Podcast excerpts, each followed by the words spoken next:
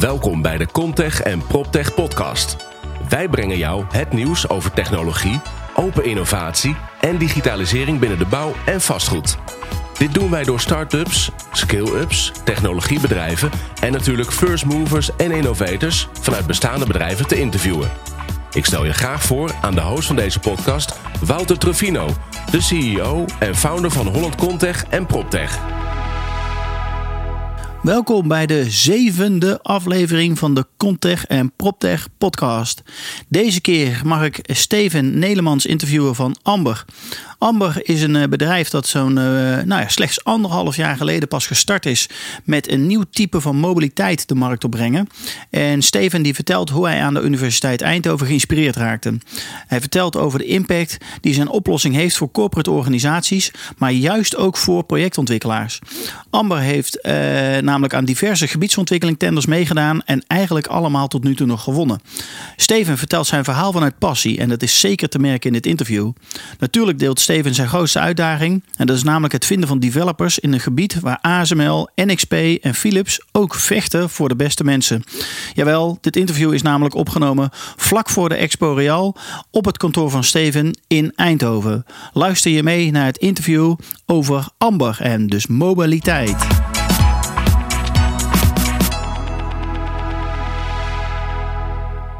Nou, vandaag zitten we dus met uh, Steven Nelemans van Amber. Goedemiddag. Ja, goedemiddag Steven. Nou, vertel eens, wie, wie ben jij? Wie, wie is Steven? Ik? Ja, je waarschuwde al dat deze vraag eraan ging komen natuurlijk. Ja. nee, ik ben, uh, ik ben een van de medeoprichters van, uh, van Amber. Ik ben uh, daar, kijk, 2,5 jaar geleden mee begonnen nu. En uh, sinds, uh, sinds een anderhalf jaar zijn we nu operationeel. En ja, het gaat eigenlijk, uh, eigenlijk best wel lekker. Cool, maar even een persoonlijke vraag. Wie ben jij? Wie ben ik? nou ja, ik ben Steven. Ik ben een tijdje geleden geboren in, in Gouda. Dat is toevallig 23 jaar geleden op dit moment. Ja. En toen geboren in Gouda. Daarna naar Eindhoven gegaan om mijn studie daar af te maken. Of in ieder geval aan te beginnen. electrical Engineering op de TU in Eindhoven. En daar zijn eigenlijk zoveel ideeën ontstaan... dat wij daar uiteindelijk met een aantal studiegenoten ook Amber hebben opgezet. Oh, echt waar? Dus gewoon tijdens de studie is dat, uh, je bent gewoon gelijk vanuit studie ondernemerschap in, uh, ingerold. Ja. ja. Ja. klopt. Ja, we zijn daar uh, onder andere onderdeel geweest van een studentenproject. Dus daar hebben wij met een groep mensen hebben wij een, een eigen auto gebouwd, een elektrische auto. Die auto die moest super duurzaam zijn. Het was een auto die 1 op 400 reed. Een van de duurzaamste auto's van, van Nederland, zuinigste auto's. Ja. Volledig elektrisch. En uh, daar hebben wij heel veel van geleerd. Onder andere hoe je auto's moet bouwen en heel veel studiegerelateerde dingen. Als je elektrotechniek uh, studeert. Hoe werken motoren, hoe werken batterijpakketten, dat soort dingen. Maar het heeft ook een aantal dingen bij ons losgemaakt. Namelijk vooral dat de focus van de automotive industrie op dit moment is uh, heel erg elektrificeren. Want Volkswagen brengt 10 elektrische modellen uit. En Mercedes doet er 12 en Renault doet er 14. Ja. Dus het is vooral de wedstrijd wie brengt er zoveel mogelijk elektrische auto's op de markt. Maar het elektrificeren is natuurlijk één ding. Iedereen kent het verhaaltje wel. De auto staat 23 uur per dag stil. Dus dat ene uurtje dat hij rijdt, moet hij elektrisch zijn. Maar bij die 23 uur per dag valt ook nog heel erg veel te winnen. En daar is uiteindelijk het uh, idee Ah. van Amber ontstaan. Mooi. Hebben jullie met uh, die, die, die, waar jullie toen mee bezig waren, vanuit je studie ook meegedaan in die, uh, die reis die jaarlijks gebeurt in Australië? Nee. Met allerlei, want dat Helaas is meer zonne-energie. Ja, natuurlijk. Klopt. Wij hebben een soortgelijk project gedaan. Die, de jongens van het Solar Team die waren ook onze, onze, onze buren. Dus we kennen ze Ah, goed. ja. We hebben ook uh, meest aan schuren aan de auto en dat soort dingen. Dus wat dat betreft waren de relaties heel erg goed. Maar wij gingen met onze eigen auto helemaal naar Rotterdam toe. Dus dat was iets minder mediawaardig. Helaas. Helaas. Cool. Ja, wel cool. hey, maar vertel Amber, vertel eens in één zin, wat doen jullie? We zijn een uh, deelautoplatform wat een uh, garantie biedt voor mobiliteit. En daarmee eigenlijk een vervanging gaat zijn voor de eigen auto, de auto die men bezit. Cool. Dus uh, dat is samengevat in één zin. Ik begon er net al een beetje over. het gaat natuurlijk die 23 uur per dag. Dat is een beetje de kern. Zorgen dat wij auto's veel efficiënter in gaan zetten dan dat wij op dit moment doen. Veel efficiënter omgaan met de auto's die we hebben. Carsharing, autodelen is er natuurlijk een, een hele makkelijke oplossing voor. Maar een heel belangrijk onderdeel van dat carsharing is dat die auto er ook altijd is. Want wat je ziet bijvoorbeeld met een, uh, nou, onze concurrenten, een Greenwheels, een Car2Go, andere partijen, zie je heel erg dat mensen het wel kennen. En dat mensen het misschien zich aangemeld hebben of misschien zelfs een keer geprobeerd hebben. Maar ondanks dat ze dat gebruiken, bezitten ze nog steeds hun eigen auto. En Ja. dat komt ook vooral omdat als je een keer echt weg moet, ik heb nu een auto nodig, dan bieden zij niet die garantie, niet dat vertrouwen dat die auto er ook altijd is. En dat is waar uiteindelijk het gat ligt. Dat is wat wij als Amber willen doen. Zorgen dat altijd, wanneer jij een auto nodig hebt, dat die auto ook altijd aanwezig is. Nou, dat is wel, eh, hoe, hoe maak je dat waar? Want dat is natuurlijk best wel een belofte die je doet. Dat is zeker een belofte. Nou, enigszins, ik moet het natuurlijk wel enigszins nuanceren. Wij werken met dekkingsgebied. En die garantie die wij bieden is niet in één keer in heel Nederland, maar dat gaat echt vooral over het dekkingsgebied. Uh, daarnaast hebben wij een softwareplatform ontwikkeld. Het heet Predictive uh, Analysis, dus een soort van artificial intelligence uh, algoritme. Wat op basis van de data die wij verzamelen voorspellingen kan doen over de toekomst. Dus hoe gaan de mensen die, die gebruiken nu op deze manier, wat gaat hun gedrag in de toekomst zijn? Dan kunnen wij uiteindelijk op anticiperen en zorgen dat wij fleet operators, zo noemen wij ze, inzetten. Dus gewoon studenten die met een opvouwfiets door de stad fietsen, die fiets opvouwen in de achterbak leggen en de auto naar de plek van bestemming uh, brengen. Ja, ja. Die kunnen dan uiteindelijk ook aangestuurd worden door middel van software. En zo kun je dus gaan voorspellen wat de vraag gaat zijn, al anticiperen voordat het gebeurt. En zo zorgen wij er dus voor dat die uh, garantie dat die voor mobiliteit auto altijd voor de deur staat als Exact. je hem nodig hebt. En dus dan krijg je dus ook dat mensen uiteindelijk zoveel vertrouwen gaan creëren in dat systeem, dat zij die eigen auto uiteindelijk helemaal niet meer nodig hebben. Ja, cool. Hey, dat was eigenlijk mijn volgende vraag. Van welke technologie maken jullie gebruik? Maar je hebt hem al voor uh, gedeelte ingevuld. Is, is er, zijn, zijn er nog meer dingen, technologieën waar jullie gebruik van maken om mogelijk te maken wat jullie doen? Ja, wij hebben een, een stuk hardware wat wij, uh, wat wij in de auto inbouwen. Dus dat uh, zorgt er eigenlijk alleen maar voor dat, wij, dat je met de telefoon een connectie kan maken met de auto. Gaat via Bluetooth, omdat je dan geen sleutels meer nodig hebt. Dat is natuurlijk ook een hele lastige. Je kan niet de hele tijd sleutels om gaan wisselen, want die laat je wel eens in je zak zitten of dat soort dingen. Ja. Dus wij uh, maken alleen maar gebruik van een, uh, van een mobiele telefoon, een app. En daarmee kun je de auto's uh, openen, sluiten. Je kan van alles doen. Je kan communiceren met de helpdesk. Je kan reserveringen maken. Dat is natuurlijk ook een, een hele belangrijke, waarbij je een um, auto toegewezen krijgt. Dus, uh, en daarnaast is het natuurlijk het softwareplatform. Zorgen dat mensen die app kunnen gebruiken, dat daar een reservering in gemaakt kan worden. En dat die uiteindelijk ook toegewezen wordt en gekoppeld wordt aan een, uh, aan een auto. Ja, cool. Nou zijn we bij jullie op kantoor. Meestal nemen we dit soort podcasts op bij ons op kantoor. Maar we zijn nu in Eindhoven, dus dat is uh, natuurlijk hartstikke mooi om te zien. Mooie mobiele studio. Precies, dus uh, alles weer meegenomen aan apparatuur inderdaad om dit, uh, deze podcast op, op te nemen. Was ik net bij jullie op kantoor, waar jullie medewerkers allemaal zitten. En daar hangt een hele mooie lijst met alle prospects en, en partijen die jullie graag als klant willen hebben. Ja. Maar kun je eens wat vertellen voor partijen voor, die nu met jullie werken? Ja, we zijn uh, vooral bezig in de, de, zakelijke markt op dit moment. Dus uh, medewerkers, of eigenlijk bedrijven die normaal ofwel een leaseauto ter beschikking stellen aan hun medewerkers, ofwel uh, een mensen hun privéauto laten gebruiken en daar kilometerdeclaraties voor, of in ieder geval een kilometers mogen declareren. Ja. Daar kunnen wij een perfect, perfecte oplossing voor zijn. Omdat we enerzijds natuurlijk alleen maar met elektrische auto's. Oh, dat ben ik trouwens in de intro helemaal vergeten. Al onze auto's zijn elektrisch. Dat is nou, in het hele duurzaamheidsaspect is dat. Toch nog wel een dingetje. Precies. Nou, het grappige is wat je merkt is dat het zo gewoon is geworden om elektrisch te rijden voor ons. Dat, uh, die merkt ook als je in een benzineauto zit, als de motor aangaat, dat je al denkt van, oh man, wat een herrie. Oh, echt waar? Ja, dat begin je al te merken dat het zo gewoon wordt om, om elektrisch te rijden, dat, het eigenlijk, dat je het vergeet te vertellen op het moment dat je dat je, je introduceert. Maar uh, in ieder geval, we rijden natuurlijk volledig elektrisch, alleen maar elektrische auto's. Zorg ervoor dat de hele vloot verduurzaamd wordt. En daarnaast zorgen we er ook nog eens voor dat er altijd voldoende auto's aanwezig zijn, maar ook nooit te veel. Want ons businessmodel, ons verdienmodel gaat er erin zitten dat wij met zo min mogelijk auto's zoveel mogelijk mensen kunnen voorzien. Ja. Dat betekent dat elke auto die, die gewoon een dag stilstaat, beter ergens anders ingezet had kunnen worden, want dan levert hij die geld op. Ja. En zo zie je dus ook dat los van het hele duurzaamheidsaspect, dat ook nog eens de, de bedrijven waar we mee samenwerken gigantische kostenverlagingen of kostenbesparingen gaan uh, realiseren. Ja, omdat ze veel minder auto's nodig hebben om hun personeel uh, van A naar B te krijgen. Exact. Als Ja. je die auto in plaats van één uur per dag, vijf, zes uur per dag uh, door vijf, zes verschillende mensen laat gebruiken, heb je dus ook veel minder auto's nodig. Je kan me voorstellen dat de, jullie gaan met zo'n bedrijf gaan jullie aan de slag. Je zet een aantal deel van die auto's zet je, Ambers zet je neer. En Ja. dan? En dan, dan begint het pas. Ja, want eh, dan wordt het niet gebruikt of wordt het wel gebruikt? Of uh, welke rol nemen jullie dan nog in? Ja, het belangrijkste is inderdaad het, het, het, verkoopproces, om het zo maar even te noemen. Dat is één ding. Zorgen dat die auto's daar komen te staan. Maar dan, zoals ik inderdaad al zei, begint het pas. Want we moeten ook zorgen dat die auto's daar uiteindelijk ook echt gebruikt gaan worden. Ja. Want wij zien het autodelen, en zeker de manier waarop wij het doen, natuurlijk als, als een vervanging voor de, de auto die, uh, die men bezit. Maar de mensen die uiteindelijk gebruik moeten gaan maken, die zien dat nog niet zo. Die bezitten een eigen auto, die hebben misschien wat slechte ervaringen gehad voor een auto die vies was. Of in één keer een kilometer verderop stond of niet genoeg range had voor een rit die ze moesten maken. Ja. Dat soort dingen, dat, uh, dat kom je heel vaak tegen. Dus wat wij doen is, wij gaan een hele persoonlijke aanpak. Mensen krijgen bij een eerste ritje een demo, waarbij er gewoon een fleet operator van ons naast staat. Die legt alles uit hoe het werkt. Die rijdt een rondje door de parkeergarage om te zorgen dat die mensen gewoon wennen aan het elektrisch rijden. Aan het feit dat je niks hoort, dat je niet hoeft te schakelen. We hebben ook een helpdesk die, eh, die gewoon 24-7 bereikbaar is. En eh, op werkdagen heb je de garantie dat je binnen een minuut iemand te spreken krijgt. Cool. Dat als Ja. je in, eh, in de regen staat en je auto gaat niet open en je wil iemand te spreken krijgen van er zijn nog 17 wachtende voor. Nee, Nou, dat wil je niet. is ook eens maar nooit meer. ja. Dus zo proberen we eigenlijk mensen door die transitie heen te helpen. Van enerzijds natuurlijk benzine naar elektrisch, maar nog veel belangrijker van bezit naar gebruik. Ja. En dat gaat heel makkelijk als het gaat over iets waar je niet heel veel vertrouwen in hoeft te hebben. Van nou, ik probeer een keer Spotify. Als ik daar mijn muziek niet kan luisteren, ga ik wel weer terug naar mijn cd's. Maar als er opeens iemand opbelt, zegt van ja, je moet nu hier komen. Een belangrijke autosleutels die, eh, inleveren. Precies. En ja. eh, je moet in een andere auto meer gaan zitten en eh daar maak je daar gebruik van. Het Ja. laatste wat je natuurlijk wil als, als persoon die bij een bedrijf werkt, is je klant opbellen en zeggen van nou, laten we die deal volgende week sluiten, want mijn auto is er niet. Ja. Nou, dat, eh, dat, dat, kan, kan natuurlijk niet. niet gebeuren. Nee. Dus zo zie je ook dat we zijn nou anderhalf jaar bijna zijn wij actief. Dus dan zijn wij, kijken, volgens mij hebben we bijna 500.000 kilometer gereden ondertussen, gigantisch veel reserveringen gehad. En wij hebben nog nooit iemand laten staan. Het is nog nooit voorgekomen dat er iemand niet van A naar B kan.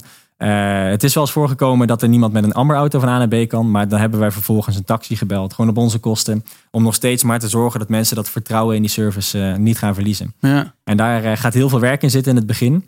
Maar je merkt ook dat op het moment dat je mensen over die drempel heen hebt geholpen, die blijven altijd fan. Die, die blijven het gewoon gebruiken. Die, die, Cool. ja, die zijn, die zijn verkocht. Zeg maar. Ja. ja, mooi. Ja, mooi. En Dus, hoe, hoe, hoe gaat het dan nu met jullie? Want je bestaat anderhalf jaar. Ja. Maar, eh, qua, qua groei.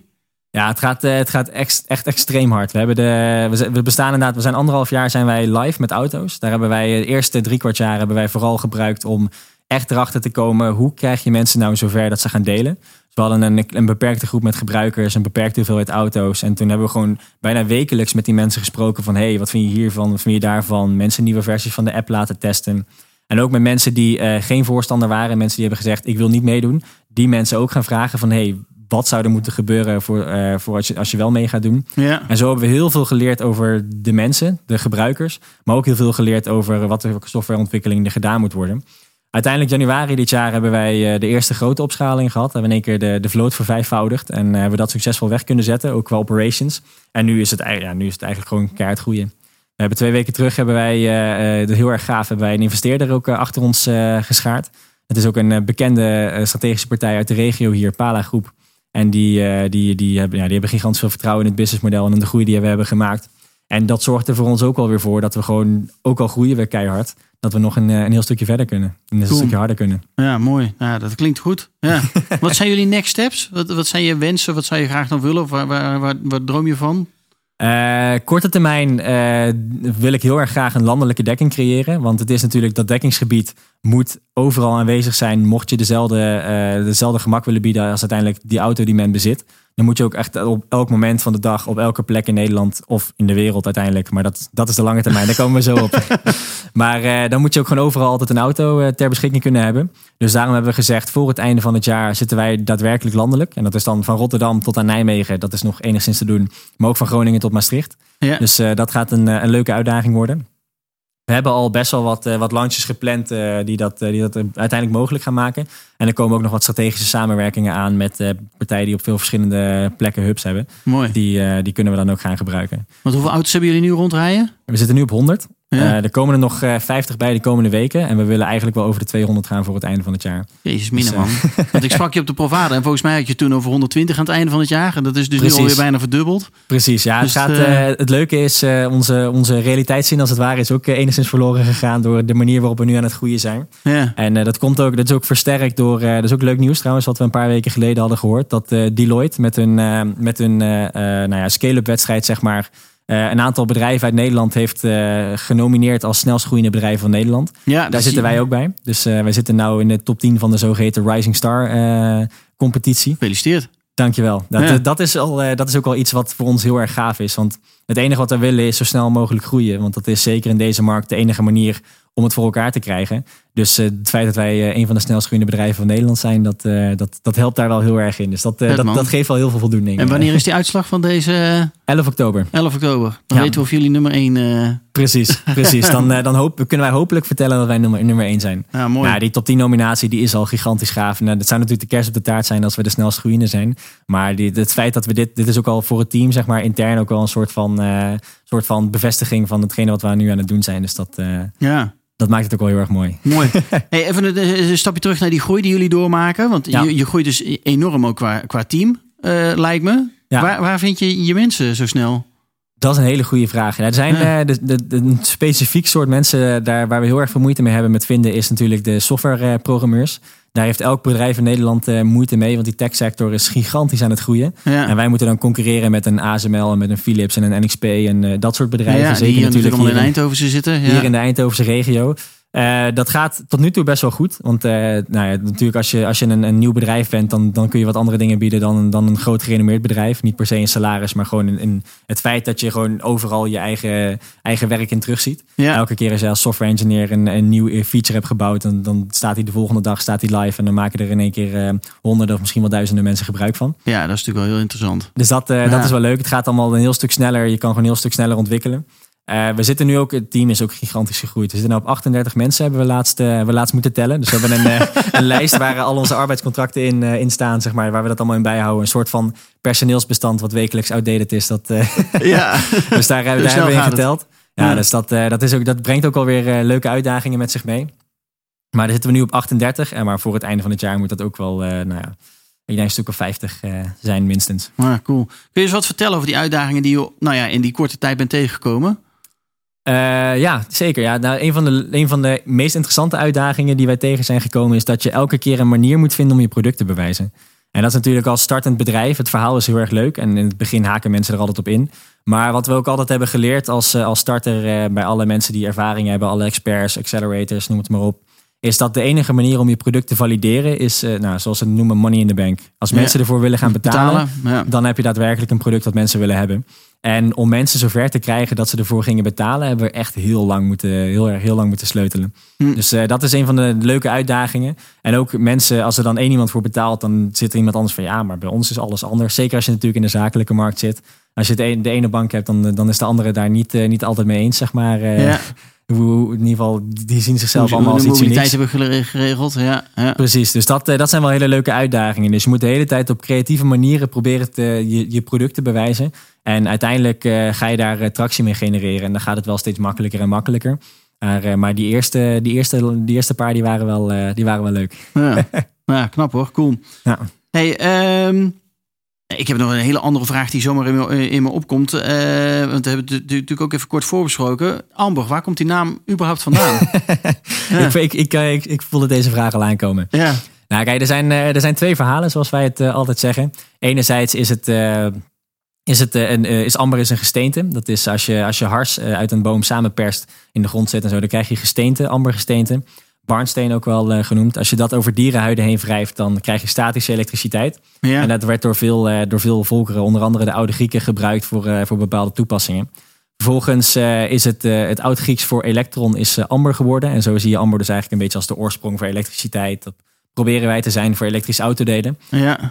Waar het uiteindelijk op neerkwam is dat we vooral een leuke naam wilden hebben. Een naam die mensen aanspreekt, die een beetje lief is. Want we gaan natuurlijk uiteindelijk mensen hun auto, auto afpakken. En mensen moeten blij zijn dat we dat doen. Dan krijg je Dus, een lief eh, meisje voor terug, dat Amber Precies. Ja. Zo kwam je inderdaad op een lief meisje. En vervolgens was er niemand in ons team die een, eh, die een ex had. Of een, eh, of een vriendin had die vervelend was, die toevallig Amber heette. Dus toen is het Amber geworden. Dan kan het Amber zijn. Omdat het altijd lieve meisjes zijn. Precies. Ja, en tot op deze dag hebben we nog geen enkele Amber gezien die, die vervelend is. Dus wat dat betreft is het een, een hele goede keuze geweest.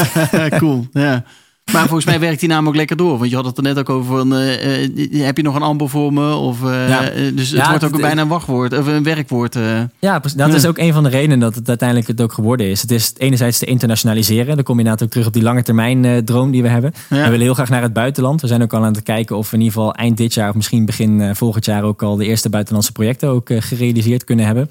Dus dan werkt Amber natuurlijk al heel erg goed. Amber, Amber, dus het is ook te internationaliseren. En je kan er ook een werkwoord van maken. En dat zorgt er ook wel heel erg voor dat mensen die het gebruiken, die niet meer zeggen, oh, ik heb een deelauto. Nee, ik heb een Amber. Ja. Of ik ga even amberen in plaats van ik ga even in mijn deelauto van A naar B. Ja, En dat, eh, dat, dat helpt ook wel heel erg veel. En Ja. zeker ook als je naar die gebruikers luistert, die dan vertellen over hoe ze aan het amberen zijn. Ja, dat is wel, eh, wel gaaf. Cool, ja. Marketing technisch wise en storytelling wise is dat natuurlijk wel ontzettend handig. Precies. Ja. En het is vooral ook een naam die, eh, waar, waarbij je niet direct een autodeler eh, of autodeelaanbieder ziet.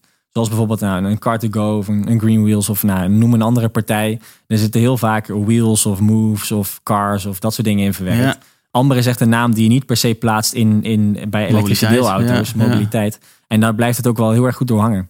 Ja. Dus eh, er wordt ook heel vaak, eh, ah, de, de kwamen de jongens van Amber kwamen weer langs en dan weet iedereen meteen waar je het over hebt. Dus dat, eh, dat begint al wel steeds beter te worden. Mooi. Hey, nou hadden we het in het begin over dat je heel veel natuurlijk doet voor die business-to-business markt. Maar ja, wij Ja. zitten in de vastgoedmarkt, gebiedsontwikkeling. Ehm, is dat ook een interessante markt voor jou? Of, of wat doen jullie daarin? Zeker, dat is een hele interessante markt voor ons. Het leuke is, daar zijn we achter gekomen toen we inderdaad met jou in contact kwamen en de, bij de Provada Future daar aan de gang gingen. Ja. Toen kwamen we er pas achter wat eigenlijk de vraag is vanuit de vastgoed.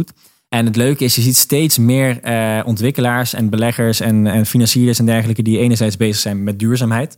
Elektrische auto's en elektrisch rijden en zo, dat is, dat is, dat is, dat is al een win. Ja. Maar je kan ook nog eens gigantisch veel geld besparen. Je kan er ook van die duurzaamheid ook echt een business case maken. Door gewoon de parkeernorm aan te pakken. Stel je nou eens voor dat je bij een gemiddelde ontwikkeling van Eindhoven. Volgens mij parkeernorm 1.4 of 1.5 of zo. Mhm. Als je die naar 0.2, ik noem maar iets realistisch zeg maar. Niet eens een gek verhaal, 0.2 kan krijgen. Nou ja, dan hoef je niet vier lagen de grond en dan ga je maar één laag de grond. En dat scheelt je gewoon tonnen, misschien wel miljoenen. ja. Dus op zo'n manier kun je als Amber daar ook een hele, een hele positieve bijdrage aan die ontwikkelingen leveren. Waardoor de marges hoger worden en nou ja, de duurzaamheid wordt, eh, wordt een stuk beter. Gemeentes zijn er ook steeds meer mee bezig, want die binnensteden moeten natuurlijk allemaal autoluw zijn. Ja. Er moeten niet meer honderden auto's de hele dag stilstaan. Er moeten een aantal auto's staan die gewoon de hele dag door gebruikt worden. Parkeerdruk moet omlaag, verkeersdruk moet uiteindelijk omlaag. En daar wordt ook een best wel grote verantwoordelijkheid gelegd bij die ontwikkelaars en bij die beleggers en die verhuurders en, eh, en dergelijke. Dus op die manier kunnen we daar als Amber heel makkelijk in bijdragen, omdat het platform wat we nu hebben is af. Dat werkt. Ja. Dat, eh, dat wordt ook bij steeds meer gemeentes wordt het ook, eh, ook kenbaar gemaakt, omdat we natuurlijk ook openbare parkeerplekken willen. En we zijn met best wel veel gemeentes in gesprek. Dus dan is het voor zo'n ontwikkelaar ook wel makkelijk als je daar gewoon een, een kant-en-klare oplossing in kan schuiven.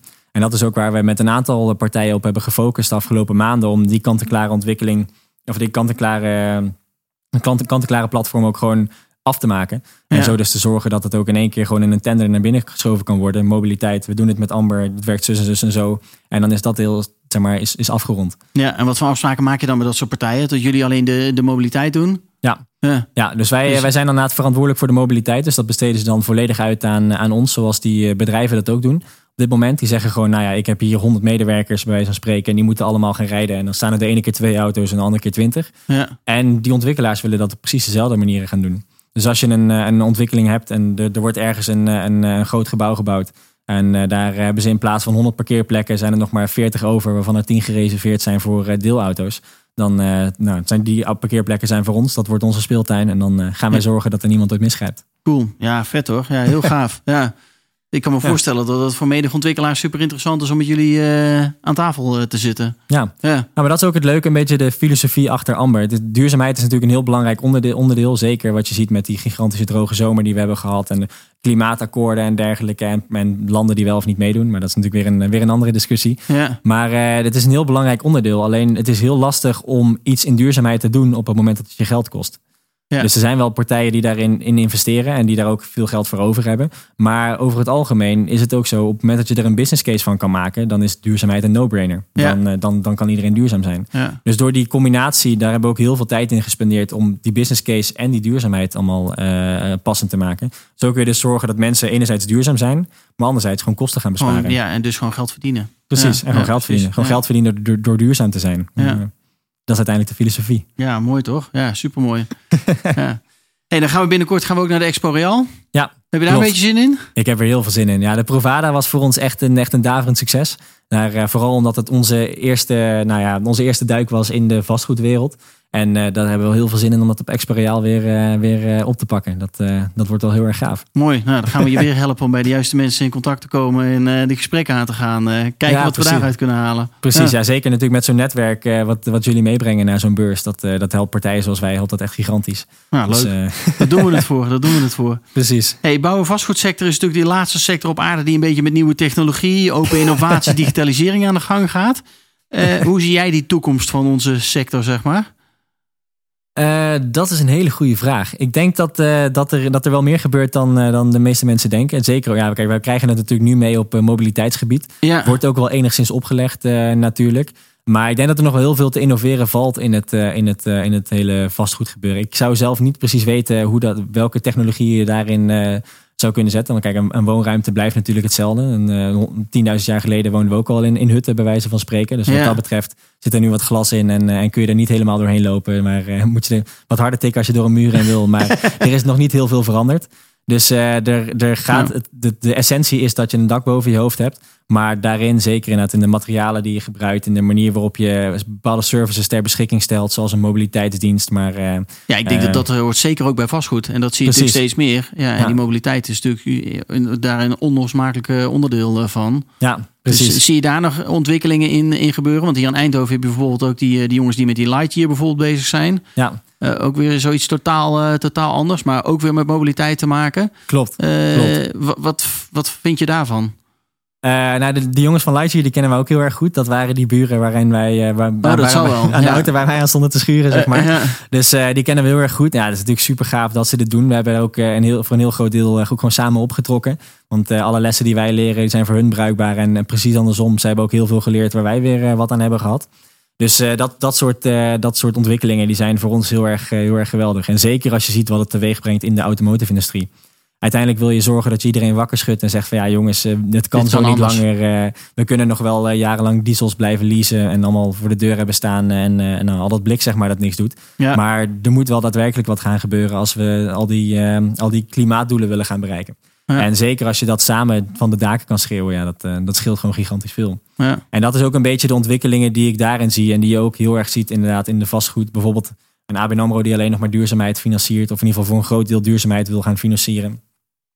Dat duurzaamheid, dat wordt een heel erg belangrijk aspect. Circulaire economie, zorgen dat je dingen kan recyclen. Bepaalde materialen die je gebruikt, die biologisch afbreekbaar zijn. Ja. Dat, uh, dat gaat nog wel een hele grote impact hebben. Enerzijds natuurlijk op de industrie. Dat die, al die partijen moeten er daar natuurlijk wel in meegaan. Ja. Maar um, dat gaat ook wel een impact hebben op uiteindelijk de, de wereld waar we allemaal in leven. Ja. En dat is uh, ook weer, als je kijkt naar die lange termijn droom, dan is dat, uh, dat daar moet dan nog heel veel gaan gebeuren als we dat allemaal willen gaan realiseren. Ja, mooi. Hey, laatste vraag, want die Ambers, zijn het er allemaal BMW's? Allemaal I, i8? Nee, i3's? het zijn nog niet allemaal i8's. Nee. Nee, wij, wij rijden inderdaad alleen maar in, in BMW i3's op dit moment. Wat is daar de reden van dat je die uh, keuze hebt gemaakt? Om alleen maar in de BMW i3 te zitten? Nou, enerzijds is dat omdat wij een uniforme vloot willen. Dus wij willen voorkomen dat je meer affiniteit hebt met één auto dan met de andere. En daardoor teleurgesteld bent als je in de ene auto stapt. Of nou, blij als je in de andere auto stapt. En anderzijds is de BMW i3 op het moment dat wij uh, de, als eerste de, de, de, de, de eerste implementaties gingen doen, zeg maar, was dat een van de beste auto's. Uh, zeker voor onze toepassing was het gewoon de beste. Volledig elektrisch. Het was uh, makkelijk te implementeren in onze software en dergelijke. Uh, en tot nu toe is het nog steeds gewoon een hele goede auto. En het is natuurlijk een premium auto. De, Ja. Dat premium helpt ook wel heel erg als je ziet met de klanten waar wij nu mee werken. Dat uh, als je kijkt naar bijvoorbeeld uh, ABN AMRO is een klant van ons, EY is een klant van ons, uh, Philips en dergelijke. Dat soort partijen die hechten er toch nog wel waarde aan dat ze in een BMW rijden. Ja, En uh, dat, uh, dat helpt in ieder geval om uh, die eerste keer in die auto te stappen. ja cool. Hey, superleuk toch? Ja, ik vind het mooi. Voordat we dit interview af, afronden natuurlijk. Hoe kunnen mensen met jullie in contact komen?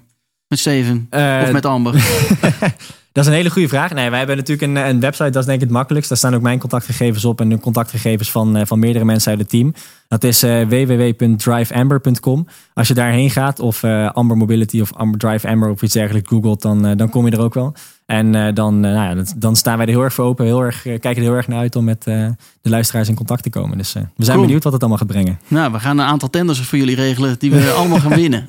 precies, precies. Dat is natuurlijk uiteindelijk de formule. Met, met Amber win je tenders. Cool. Hey, dankjewel Steven voor dit mooie interview. Ja, jij bedankt. Top.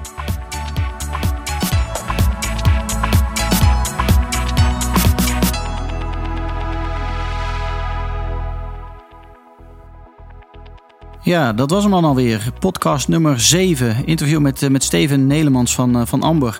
Het deelauto-platform Amber dat zorgt uh, met elektrische auto's voor een efficiënt ingezet worden van, van het mobiliteitsgebruik. Steven die had het onder andere over de, de Deloitte Technology Fast 50 die op 11 oktober zijn, zijn bekendgemaakt. Nou, hierin staan onder andere een aantal proptech bedrijven, waaronder Housing Anywhere, Mapic, Parkos en Flexas. En zoals Steven benoemde was Amber genomineerd voor de Rising Star uh, categorie. En die hebben ze ook gewonnen. Dus uh, gefeliciteerd. Dus Amber mag zich nu officieel de titel toe-eigenen van Most Disruptive Innovator 2018. ja, denk ik ontzettend wel verdiend voor, voor Steven en, en zijn team. Daarnaast hadden we het ook even kort over, over de Expo Real. Die is ook inmiddels alweer een maand, uh, maand geleden. Uh, tijdens de Expo uh, hebben de gesprekken die Amber onder andere heeft gevoerd... weer geleverd of, opge of een één nieuwe opdracht opgeleverd. Dus ook dat was weer ontzettend succesvol. Ik wil jullie allemaal ontzettend bedanken voor het luisteren naar deze zevende aflevering. En volgende week staat er dus weer een, een nieuwe podcast voor jullie online. Fijne dag!